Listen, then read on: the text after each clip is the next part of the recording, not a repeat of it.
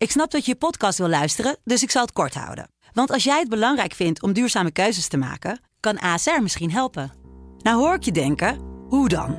Nou, bijvoorbeeld bij het duurzaam herstellen van schade. Of de premies die we beleggen volgens ons duurzaam beleggingsbeleid. Dat bepaalt waar we wel en juist niet in investeren. Wil je meer weten over welke duurzame keuzes ASR maakt? Ga dan naar asr.nl slash duurzame keuzes. ASR doet het. Zo, dan kan je nu lekker naar je podcast luisteren. And so, my fellow Americans, I shall not see. ask not We will keep this what promise your to the country can do people. for you. Read Ask what my you can do lips. for your country. Dit is Trump versus Biden, de strijd. Een telegraafpodcast over de Amerikaanse verkiezingen. Met Thijs Wolters en Frank van Vliet. Ja, daar zijn we weer. Het is eh, 15 oktober 2020. De negende aflevering in deze podcastserie. Collega Thijs Wolter die verschoont nog steeds de luiers van zijn pasgeboren tweeling. En dus hebben we weer een gast. Deze keer iemand die we met alle respect de Nestor onder de Amerika-kenners kunnen noemen. Willem Post. Al sinds de jaren 80 Amerika-kenner, schrijver van 15 boeken over de US of A en een reeks aan artikelen, verbonden aan het instituut Klingendaal. Trump trekt eh, heel vaak de aandacht aan zich toe. Ook in deze podcast, maar we proberen nu zoveel mogelijk te weten te komen over Joe Biden. Die eh, jij volgens mij nog eh, ontmoet hebt in 2019. Klopt het, Willem? Ja, dat klopt. Ik heb hem in eh, oktober, is een jaar geleden, ontmoet in, in Iowa. Toen ik de democratische kandidaten opzocht. Ja. Toen al, hè. Ze waren al maanden op campagnepad. En ik heb hem in, in februari van dit jaar nog ontmoet in New Hampshire. Oké. Dus ja, bij een town hall meeting. En dan, dan krijg je toch wel een aardig beeld van iemand, hè. Wat voor beeld had je van hem? Want ik heb ooit iemand die hem ook heeft ontmoet eerder in het jaar in 2019. Zei die vond hem toen erg verzwakt ogen en later juist weer niet. Had jij dat ook of zeg je van nou hij was iedere keer wel eh, super fit? Nou, ik moet je zeggen dat ik eh, toch wel een beetje van hem schrok. Hij is nogal afgevallen en als iemand op leeftijd eh, afvalt, dan, dan zie je er wat fragiel uit. Maar mij viel ook op, in, in zowel Iowa als New Hampshire, dat met enige regelmaat Biden zijn zinnen niet goed afmaakte. En hij staat eigenlijk ook al wel jaren bekend als iemand die daar wat moeite mee heeft. Hij heeft als kind ook gestotterd, Ja. hè, dat wordt nu ook wel vaak gezegd. Maar ja, weet je, deze man kennen we nu al zo lang. Hij zit al 47 jaar in, in de politiek. En ik heb ook wel fragmenten opgezocht eh, van mijn studie over Biden. En dan zie je, ja, de man 29, 30 jaar toen hij senator werd in, in Washington al. Ja, in, in, in, in, in de glorie van zijn leven. Ja. Hij werd de Kennedy van Delaware genoemd. En had een fantastische toespraak toen. Hij kon echt heel goed enthousiasmeren. Dus heeft Trump dan toch een beetje gelijk als hij eh, zijn twijfels heeft over de, de fitheid of de mentale fitheid van, eh, van Biden? Ja, het punt is alleen dat Trump dan natuurlijk ook wel overdrijft. En de laag heeft gelegd voor de debatten voor Biden. Door te zeggen van ja, het is een wandelend wrak. En ieder moment kan hij komen te overlijden. De man weet niet eens waar hij is. Hè? Ja. Er worden ook wel filmpjes gestuurd waarin je Biden eh nou ja, een stuk gemanipuleerd in een of andere invalidewagen ziet. Hè? Het einde is nabij. Ja, en zo erg was het natuurlijk ook weer niet. Nee. I don't like to be repetitive. Like Sleepy Joe, where he says the same thing four different times. Or he's got a bad habit. Ladies and gentlemen of Ohio, it's great to be with you. Joe, Joe, you're in Iowa. Het, het pikante is hieraan natuurlijk dat Trump wel corona kreeg. En toen dacht je, oh jee, oh jee, eh, daar gaat zijn argument. Maar hij is er wonderbaarlijk eh, bovenop gekomen met nogal opvallende experimentele zorg. Maar goed, we gaan het nog even toch weer over Trump hebben, omdat we nog even door het laatste nieuws willen gaan. En de man genereert nu eenmaal zoveel nieuws. Maar hij is gewoon weer op campagne gegaan, hè? But it's great to be back in my home state, Florida, to make my official return to the campaign trail. I am so energized by your prayers and humbled by your support. We've had such incredible support. And here we are. It's, you know, here we are. Gelet op jouw titel van jouw laatste boek, volgens mij eh, van Arena naar het Witte Huis, dat past wel, hè? De Trump zonder Ja. menigte, dat is eh, als bloemen zonder water. Nee joh, en weet je, en- en veel mensen in Nederland eh, en elders eh, zien natuurlijk Trump even op het eh, journaal en een paar beelden hè, of in een actualiteitsrubriek. Ik heb een jaar geleden Trump eh, meegemaakt op een rally in Minnesota in een eh, basketbalstadion midden in de stad met 25.000 uitzinnige mensen. Meer dan twee uur lang hield hij hen in de ban, of beter gezegd, zij waren de ban van Trump. En ook in Minnesota kwam plotseling dat Hunter Biden-verhaal op. Trump hield een, uh, nou heel groot verhaal over hoe slecht natuurlijk Biden was. En opeens zei hij tegen de mensen: Ja, ik zie jullie allemaal in prachtige Make America Great uh, t-shirts. Van die rode t-shirts, daar wemelde het natuurlijk van. Ja. Maar ik heb eigenlijk een beter idee. En toen schreeuwde hij door de microfoon: Where is Hunter? Where is Hunter? En heel veel mensen keken elkaar aan. Ja, wie is dat, die Hunter? En toen ging Trump natuurlijk uitleggen. Ja, dat de zoon van Joe Biden in Oekraïne, zonder ook maar iets verstand te hebben van energie, een topbaan kreeg bij bedrijf waar hij een mega salaris verdiende. Dankzij zijn vader, die toen vicepresident was, Joe Biden. En uh, ja, die, en, die, en dan denk jij, waar rook is, is vuur? Nou, kijk, Hunter Biden, dat is een beetje het zwarte schaap van de familie, als ik zo vrij mag zijn. Ja. Hij heeft drugs gebruikt, uh, oneervol uit de militaire dienst ontslagen. Dat kleeft dus ook al aan hem. En die campagnes in Amerika zijn keihard. Hè. Ze, de beide campagnes hebben politieke onderzoekers, maar het zijn in wezen detectives in dienst. Om ook in elkaars persoonlijke leven te verroeten.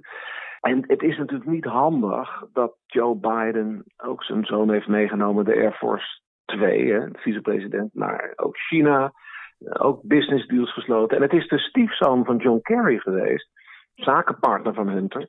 En hij was niet de enige, gezegd heeft Hunter, kijk hiermee uit. Ja, en Kerry Eh, ooit ook uh, presidentieel kandidaat natuurlijk. Ja, hè, en, en uh, er zijn dus wel, wel waarschuwingen geuit van dit riekt naar belangenverstrengeling. En daar moet je altijd naar uitkijken. Nou ja, ik refereerde even aan mijn bezoek aan, aan Iowa een jaar geleden. En daar werd Biden geconfronteerd met Hunter. En die werd echt woedend. Hè, van er is niets van waardig. En juist vandaag komen er toch weer berichten dat de Trump-campagne e-mails zou hebben uit de computer van Biden. Een of ander bedrijfje in, uh, computerbedrijfje in Delaware zou de computer van, van Hunter Biden gerepareerd hebben. En nou ja, enzovoort, enzovoort. In ieder geval, dat zegt nu de Trump-campagne iets van een oktober surprise. Uh, wij kunnen wel degelijk aantonen dat er ook een gesprek is geweest tussen Joe Biden en de leiding van dat energiebedrijf. Nou, we zullen zien, hè, maar. Dit is typisch ook voor de laatste weken van zo'n campagne. Hè? Ja, het is natuurlijk, uh, het komt van de New York Post. Die zit een beetje ja, in, in de rechtse hoek. Ja. Maar ja, goed, daar kunnen de Democraten natuurlijk nauwelijks over klagen. Want de, laten we zeggen, de Joe Biden misschien wat vriendelijker gestemde media hebben constant Trump onder vuur gelegd. Uh, laatst met zijn lage belasting die hij dan betaalde. Of eigenlijk bijna helemaal niks. Ja, en als ik nog even mag. Ja. De verdediging van de beide campagne tot dit moment nog niet zo heel sterk. Want daar wordt nu ja, die afspraak die is er nooit geweest, want die hebben we niet kunnen terugvinden in de agenda's. Nou ja, dat is toch een beetje een algemene verdediging. Ja. Ja, dit wordt zeker vervolgd, schat ik zo in. Maar ja, dit is typisch zo'n zo'n boksgevecht, zo'n moddergevecht, wat Amerikaanse campagnes eigenlijk altijd wel zijn. Nou, jij gaat natuurlijk al- al jaren naar Amerika. Ik begrijp dat je enorm veel miles hebt afgelegd toen in Ja. Iowa. Wat was jouw impressie van het land? Want eh, zoals je weet, ik ben zelf correspondent geweest, maar dat is een wat aantal jaren geleden. Ik heb echt het gevoel dat de boel is verhard. Of zeg je van, nou ja, het is altijd al een, een harde strijd geweest. Ja, het is nu natuurlijk met Trump in extremis wel, eh, wel nog meer naar de oppervlakte gekomen. Maar je kunt het niet alleen maar aan Trump wijten. Hè. Ik bedoel, we hebben ook de jaren eh, voorafgaand aan Trump gezien dat met de Tea Party bijvoorbeeld. eh, maar, maar ook met allerlei eh, extreme bewegingen aan de linkerkant. Ja, dat, die, dat, ja, dat er toch een soort, soort van politieke burgeroorlog opgebouwd wordt. En het escaleert nu wel meer, zeker in het einde van zo'n campagne. En dat vind ik ook wel een van de lessen van, van dit alles. Als Trump niet herkozen zou worden, dan moeten we toch echt niet denken dat dit anti-establishment, dat dat zomaar weg Wat trof je daar dan aan in Amerika? Nou, dat is wel onder brede lagen van de bevolking. Hè? Van wat heeft dat politieke establishment, wat hebben ze nou voor ons gedaan? Hè? En de top van de Republikeinse partij, ja, wordt toch beheerst zeg maar, door het hele grote bedrijfsleven. En de Ja. top van de Democratische Partij deels ook. Maar ook door ja, arrogante intellectuelen die, die geen oog meer hebben voor het gewone volk. Jij hebt, eh, jij hebt ook geschiedenis eh, gestudeerd. Er is natuurlijk altijd al een veel grotere zeg maar, kloof geweest tussen Washington en zeg maar, het volk dan die in Europa is geweest. En wij hebben zoiets van, nou, het wordt allemaal wel netjes geregeld. Maar daar moet je echt, in Amerika moet je echt voor jezelf zorgen. Dat, dat viel mij toen altijd op. Ja, en dat, kijk, ik heb nou plotseling weer het beeld voor me van een beetje, beetje hippie-achtige uh, democraten. Een paar mensen die ik tegenkwam jaren geleden in Memphis, zo'n hele arme stad in het zuiden. Hè. En ik had het over hulpprogramma's in de slechte wijken waar zij dan sociaal werk verrichten. Hè. Nou, zeg maar gaarkeukens en zo. En toen keken ze mij aan alsof ze water zagen branden. Toen zeiden ze, ja, maar wat bedoel je dan met hulpprogramma's? Ik zei, nou ja, dat Washington jullie toch ook helpt. Nou, dat vonden ze eigenlijk een grote onzin. Nee, dat, dat, verwachten we helemaal niks van. Nou ja, buurtorganisaties en, en, en een paar kerken hier in de buurt. En, ja, zo zit Amerika niet in elkaar. Het is natuurlijk een land opgebouwd vanuit individuen. En ver weg van Washington vaak. Nee, en, anders, en anders neigt het meteen naar socialisme volgens de Amerikanen. Ja, en uh, nou ja, kijk, Franklin Roosevelt en Lyndon Johnson, een aantal democratische presidenten hebben natuurlijk al gezorgd voor een, een, een soort basis sociaal vangnet. Maar toch, heel veel Amerikanen hebben iets van, ja, maar ik moet het zelf doen. Ja. Ik kijk in de eerste plaats naar mezelf en ik kijk niet naar de staat. Mhm. Nog even terug naar, naar Trump en zijn ziekte. Dat hij er uh, zo snel weer uh, bovenop is. Heeft jou dat verbaasd? Ja, nou ja, weet je, in eerste instantie werd toch ook wel gezegd van het is dus een, een moderate vorm. Het, is, het is niet zomaar licht wat hij heeft uh, aan coronavirus, maar toch wel nou ja, een beetje gemiddeld. Hè? En dat, dat zou erop duiden dat je dan wat langer in quarantaine moet en zo. Nou ja, dus, dus medisch gezien, ja, ik ben geen medicus, maar kan ik me voorstellen dat daar veel kritiek op kwam. Maar aan de andere kant, ja, Trump is natuurlijk verslaafd aan, aan ja, publiciteit, aan zijn massa-toehoorders. Hè. Uh, ik, ik hoorde laatst van iemand die zei van nog nooit is een president liefst geweest bij zijn achterban. Maar de vraag of dat dan genoeg mensen zijn om je het Witte Huis in te krijgen. Maar zijn fans zijn wel fans met een hele grote hoofdletter. En dat relativeert tegelijkertijd een beetje de, de verkiezingspeilingen van nu, die allemaal GroenLinks Biden in vrijwel alle belangrijke staten er nu flink voor. Maar de vraag is natuurlijk, gaan mensen echt ook stemmen? En die, en die Trump-fans, die gaan wel stemmen. Dat, dat kan bijna niet anders als je ze ziet. Uh... Nou, de mannen en vrouwen in de, in de katoen overhemden, in de pick-up trucks, daarvan weet ik zeker dat ze allemaal naar de stembus gaan. En de, en de, en de strategie van Trump is er ook op gericht om ja, in zekere zin minderheid, minder dan 50 procent. Maar het zijn er ook 30, 40, 50 miljoen. Hè, om, om die mensen, om dat eigenlijk uit te persen, zodat dat iedereen, op dat platteland zeker ook, hè, maar naar die stembus gaat. En we zien nu ook mooie cijfers voor Biden. Er wordt ook onderzocht. Veel mensen stemmen nu al per post. Records worden gebroken. Veel vrouwen en, en, en zwarte Amerikanen gaan naar de, naar de stembus. Dat kan nu al in een aantal staten dat je eerder stemt. Dus dat is allemaal gunstig voor hem. Maar ja, Trump heeft natuurlijk tegen zijn mensen gezegd. Je moet op de dag van de verkiezingen, dan moet je gaan stemmen. Want uh, lijfelijk stemmen, dat je het ook echt kunt controleren wat er met je stem gebeurt. Nou, meer dan 60% van de Republikeinen is het daarmee eens. En bij de Democraten is meer dan 60% het eens met Biden. Dat je toch eigenlijk eerder moet stemmen en per post. Ja. Nou, het staat er nu goed voor hoor. Ik bedoel, als ik puur objectief naar de cijfertjes kijk. Maar ja, Trump moet je toch nooit, nooit onderschatten. Het is natuurlijk echt een vechtersbaas ook. Hè? Ja, dat kan je wel stellen. Um, we zouden het even iets meer over Joe Biden gaan hebben. Dat gaan we proberen. Hè? Hoewel Trump natuurlijk inderdaad altijd uh, de aandacht heeft. Ja. Het was trouwens wel grappig. Joe Biden was deze week ook in uh, Florida. Daar richtte hij zich vooral op de senioren. Ja. En uh, ja, nog eventjes over Trump. Die reageerde daar weer uiterst humoristisch, cynisch, hoe je het wil noemen, op door een uh, foto uh, te manipuleren waardoor Biden in het publiek zat tussen de rolstoelen. uh, maar goed, snap jij dat Biden zich in Florida op die, juist op die groep richt, de senioren? One day before we crossed the threshold of 200,000 deaths, you may recall this, the president was at a campaign rally and he insisted that the virus was, and I quote, affects virtually nobody. Quote, just elderly people with heart and other problems. Nobody. Think about that. He's talking about America's seniors. He was talking about you. He was talking about my family. Ja, ja, dat begrijp ik heel goed. Want daar deed Trump het vier jaar geleden ook uh, goed onder, hè, onder de oudere Amerikanen. Ja, en Biden, uh, bijna tot tranen toe bewogen, zei tegen de mensen van... Ja, hè, en ik weet het, wat het is. Ik heb zes kleinkinderen. En hier staan ook opa's en oma's in het publiek. Mensen die kijken.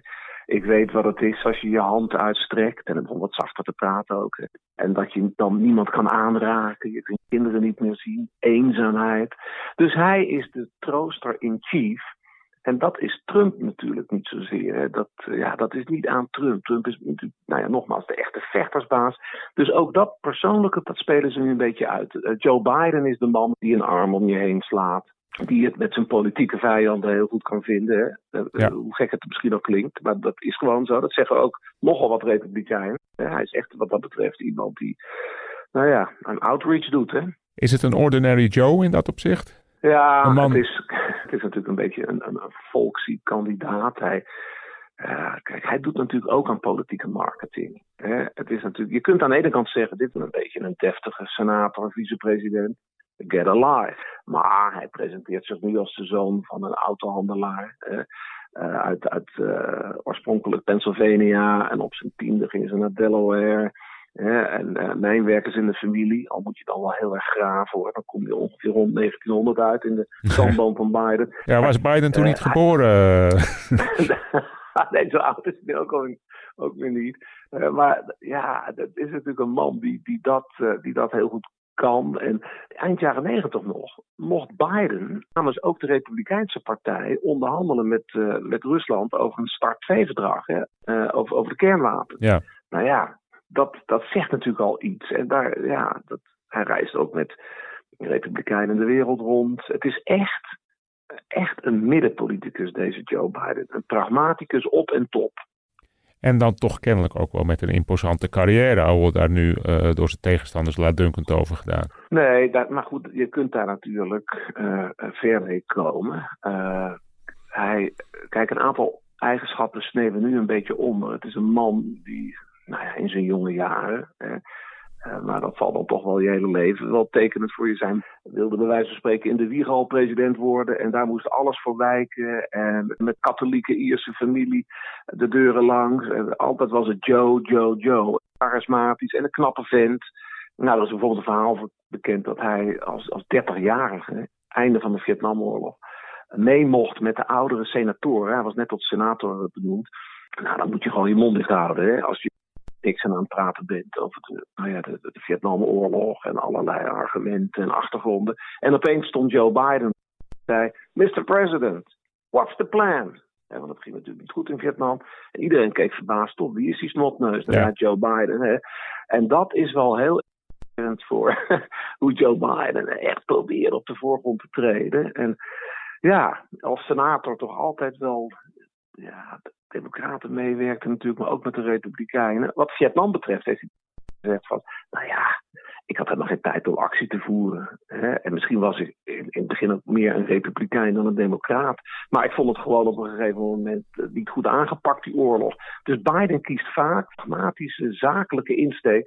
Hij is eigenlijk een soort van non-ideoloog. Je zult hem en dat, dat gold eigenlijk ook een beetje voor Obama, waarvan we dachten, ja. hè, dat is een ideoloog, maar bleek ook heel erg een pragmaticus te zijn. En is dat waarom uh, Biden eigenlijk ook uh, zo weinig enthousiasme opwekt? Zeker denk ik aan de linkerkant van zijn partij, waar je natuurlijk veel meer jonge mensen hebben die nu een beetje op de trom uh, blazen.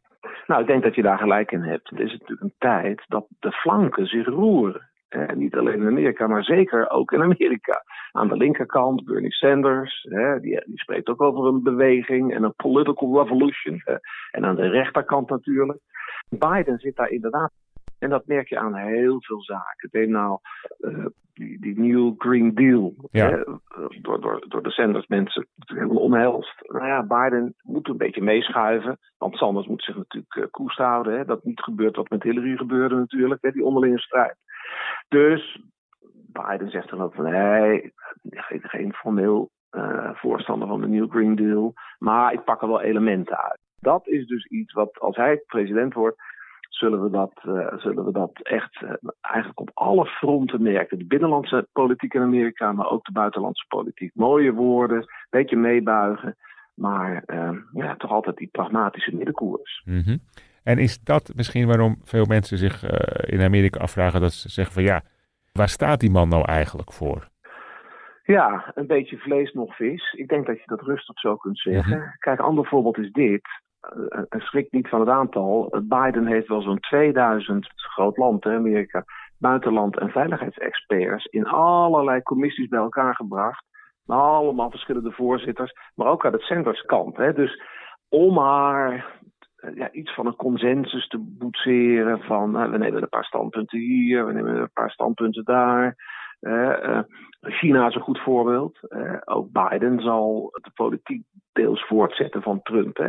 China hard aanpakken, maar met het milieuvraagstuk moet je met de Chinezen toch wel netjes gaan overleggen. Nou, zo kun je eigenlijk Rusland. nee, we gaan door met de sancties, zoals ook onder, onder Trump en onder Obama. Maar ik wil wel dat START 2-verdrag over lange afstandswapens, kernwapens, verlengen. En daarmee wil ik dus niet zeggen dat het allemaal slecht is. Maar ik constateer alleen maar dat op bijna alle vraagstukken je bij Biden wel iets hebt van uh, nou, aan de ene kant, aan de andere kant. Daar waar Trump natuurlijk ja, een, een, een radicale koers vaak kiest. Hè?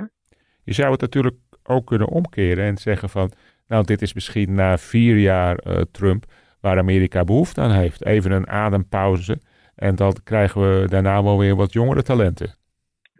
Ja, je refereerde even aan het begin uh, daaraan, hè, als, als Amerika-deskundige, commentator, watcher, probeer ik altijd objectief te kijken van wat gebeurt er nou. Als je mij nu persoonlijk vraagt van wat gun je Amerika, want dat zit, dat zit in jouw vraag natuurlijk opgesloten, dan zeg ik nou, ik kan die revolte tegen het pratend met de Trump-aanhangers, kan ik me heel goed voorstellen dat dat gebeurd is.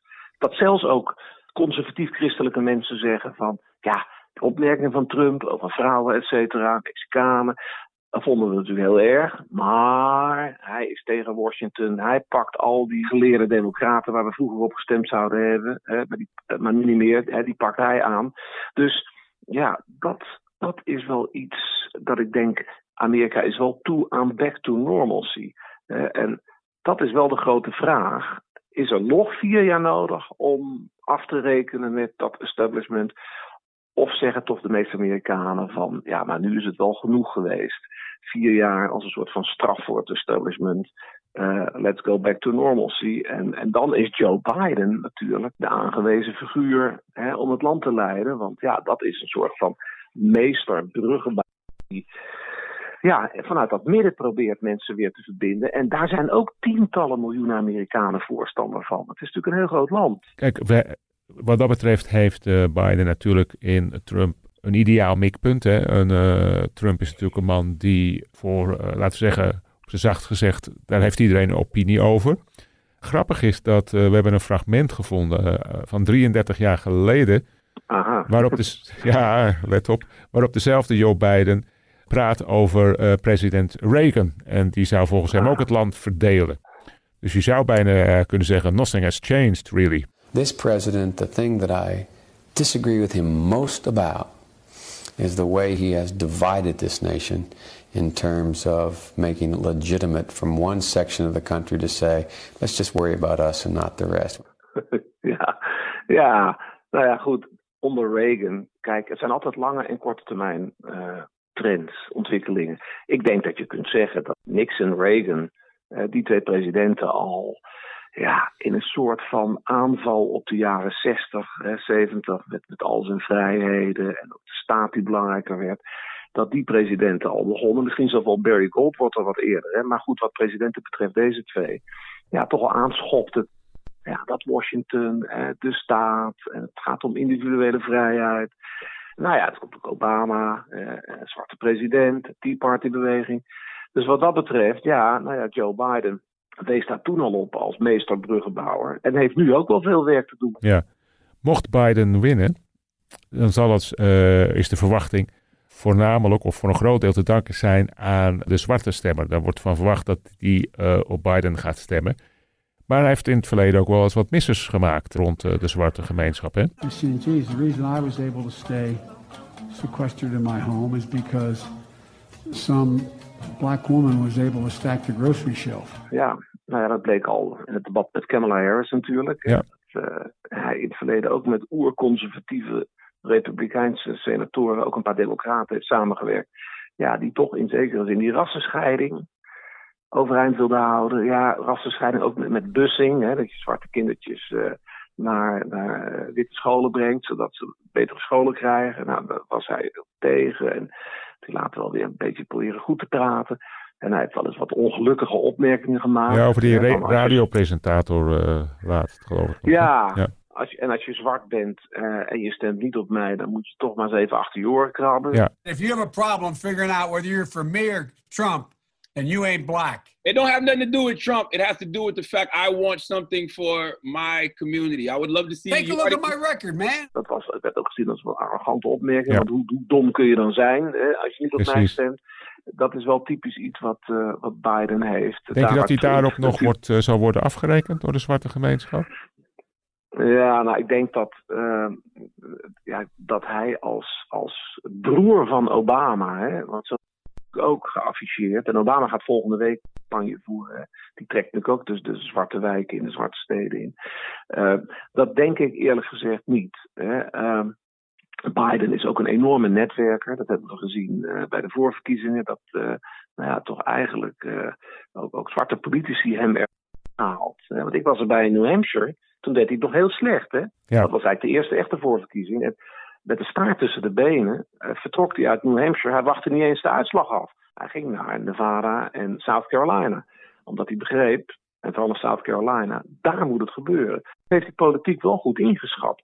Ja. Het was echt uh, Piet, de Mayor Piet en, en Sanders. En oh ja, we ook nog Joe Biden. Die campagne stortte een beetje in elkaar. Maar je hebt gelijk, zwarte Amerikanen, die hebben hem wel gered. Ja, en nu de ouderen. Uh, hij moet het natuurlijk ook hebben van de Hispanics. Dat moet hij ook nog wel beter scoren. Ja. Uh, maar tal van bevolkingsgroepen, dat doet hij het nu uh, beter dan Hillary Clinton. Ja. Dat heeft natuurlijk ook met corona te maken. Hè? Ja, absoluut. Dat is wel denk ik de grote gamechanger geweest in deze verkiezingenstrijd. Ja, welke president je ook gehad zou hebben. en zeker ook gerelateerd met de economie. Ja, je zou bijna zeggen, dan hang je. Dan heb je natuurlijk probleem. Ja, en Trump heeft natuurlijk het gebagatelliseerd. Uh, dat wordt hem natuurlijk wel door velen kwalijk genomen. Maar hoe je het went of keert, dat is natuurlijk niet handig voor een president. Uh, ja, en dan die economie. Trump heeft natuurlijk een punt dat het tot maart uh, goed ging met de Amerikaanse economie. Absoluut. Geen werkloosheid. aandelenkoersen die bij hem meer gestegen zijn dan onder Obama. Nou ja, dat zijn allemaal van die indicatoren. Je kunt zeggen, nou, tot maart ging dat goed. Economische groei redelijk iets boven de 2%, niet die 4, 5, waar Trump het eerder over had. Ja, goed, het is ook wel een beetje Trump, daar moeten we ook doorheen kijken. Het is nog steeds niet te laat voor hem, maar ja, de tijd begint te dringen. En we moeten ons, ik merk het ook aan jou, terecht dat je Biden uh, even naar voren haalt. Ja, en we moeten toch echt ook gaan kijken wat voor president, dus Joe Biden, voor de wereld.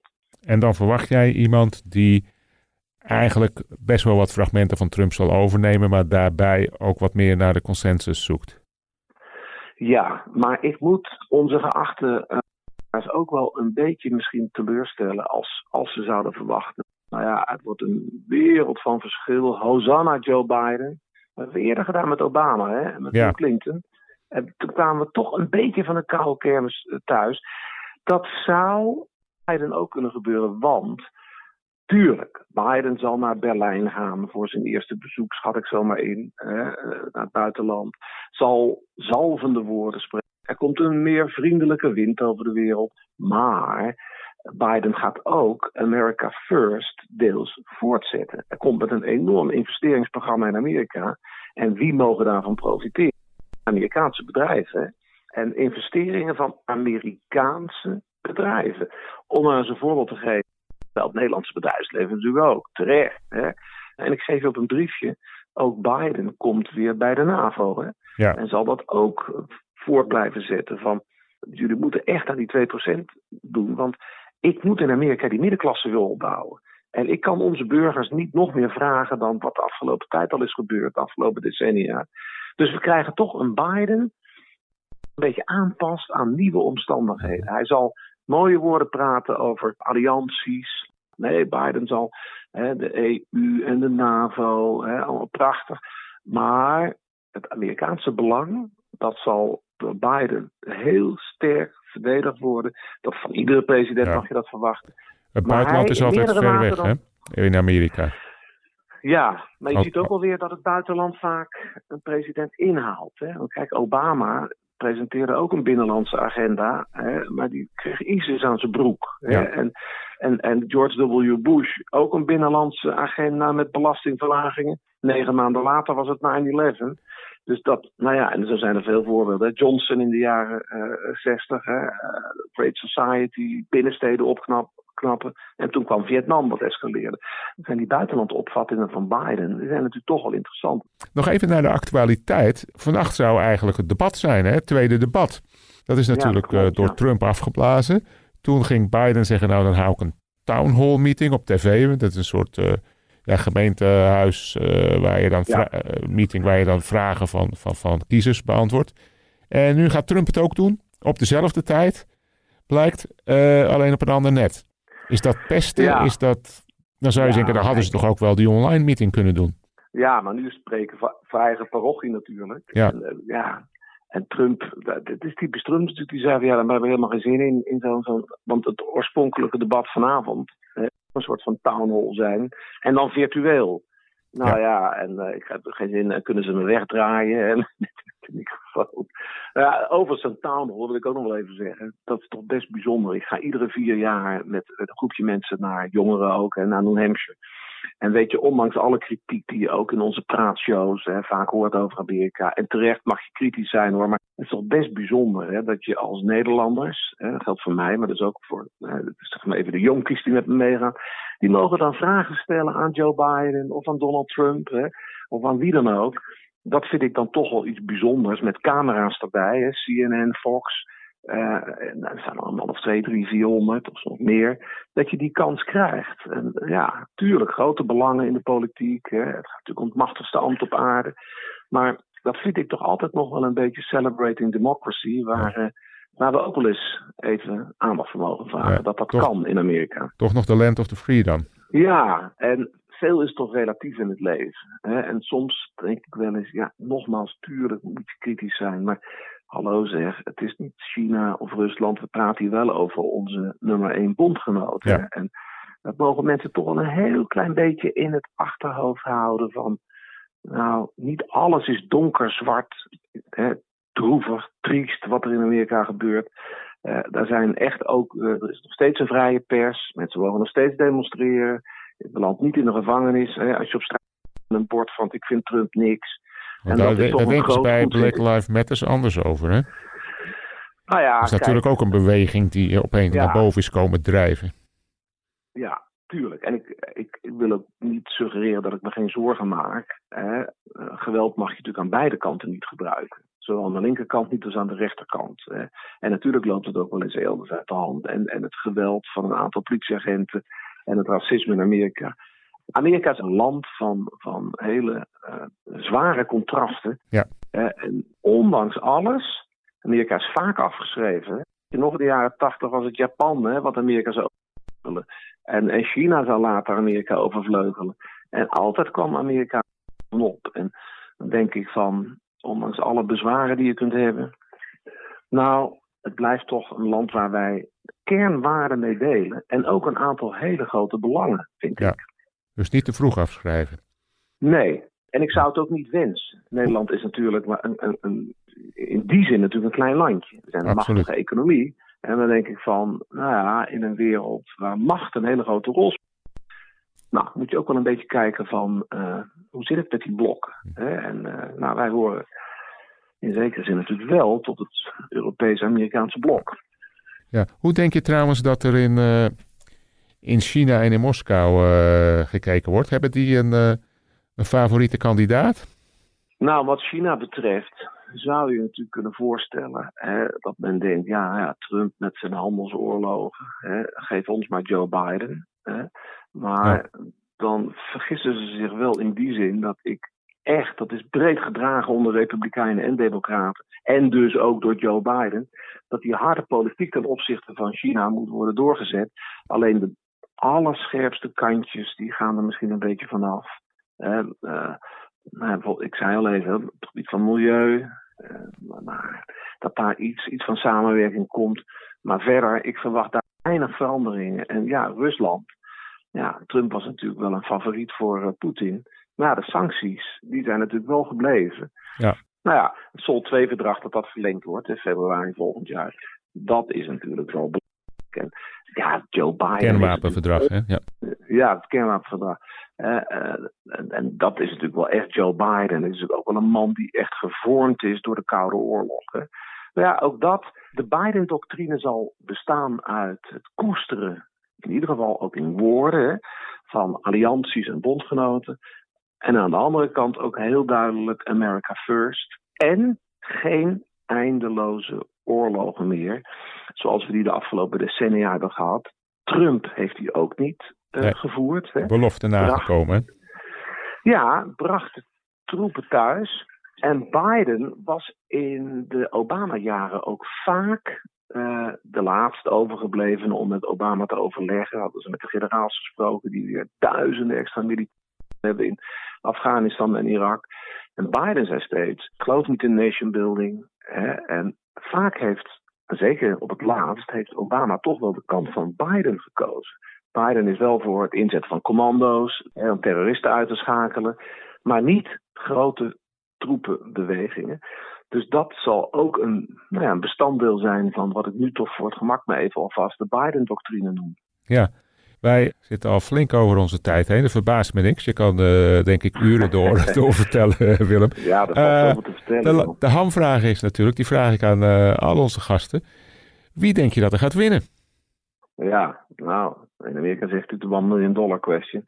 Ja, ja als ik rationeel zeg, Joe Biden. Dat kan niet anders als je nu naar die peilingen kijkt. Nog nooit stond een presidentskandidaat op dit moment, in, in, in die vierjaarscyclus zeg maar, zo ver voor. Dus dan is het Joe Biden.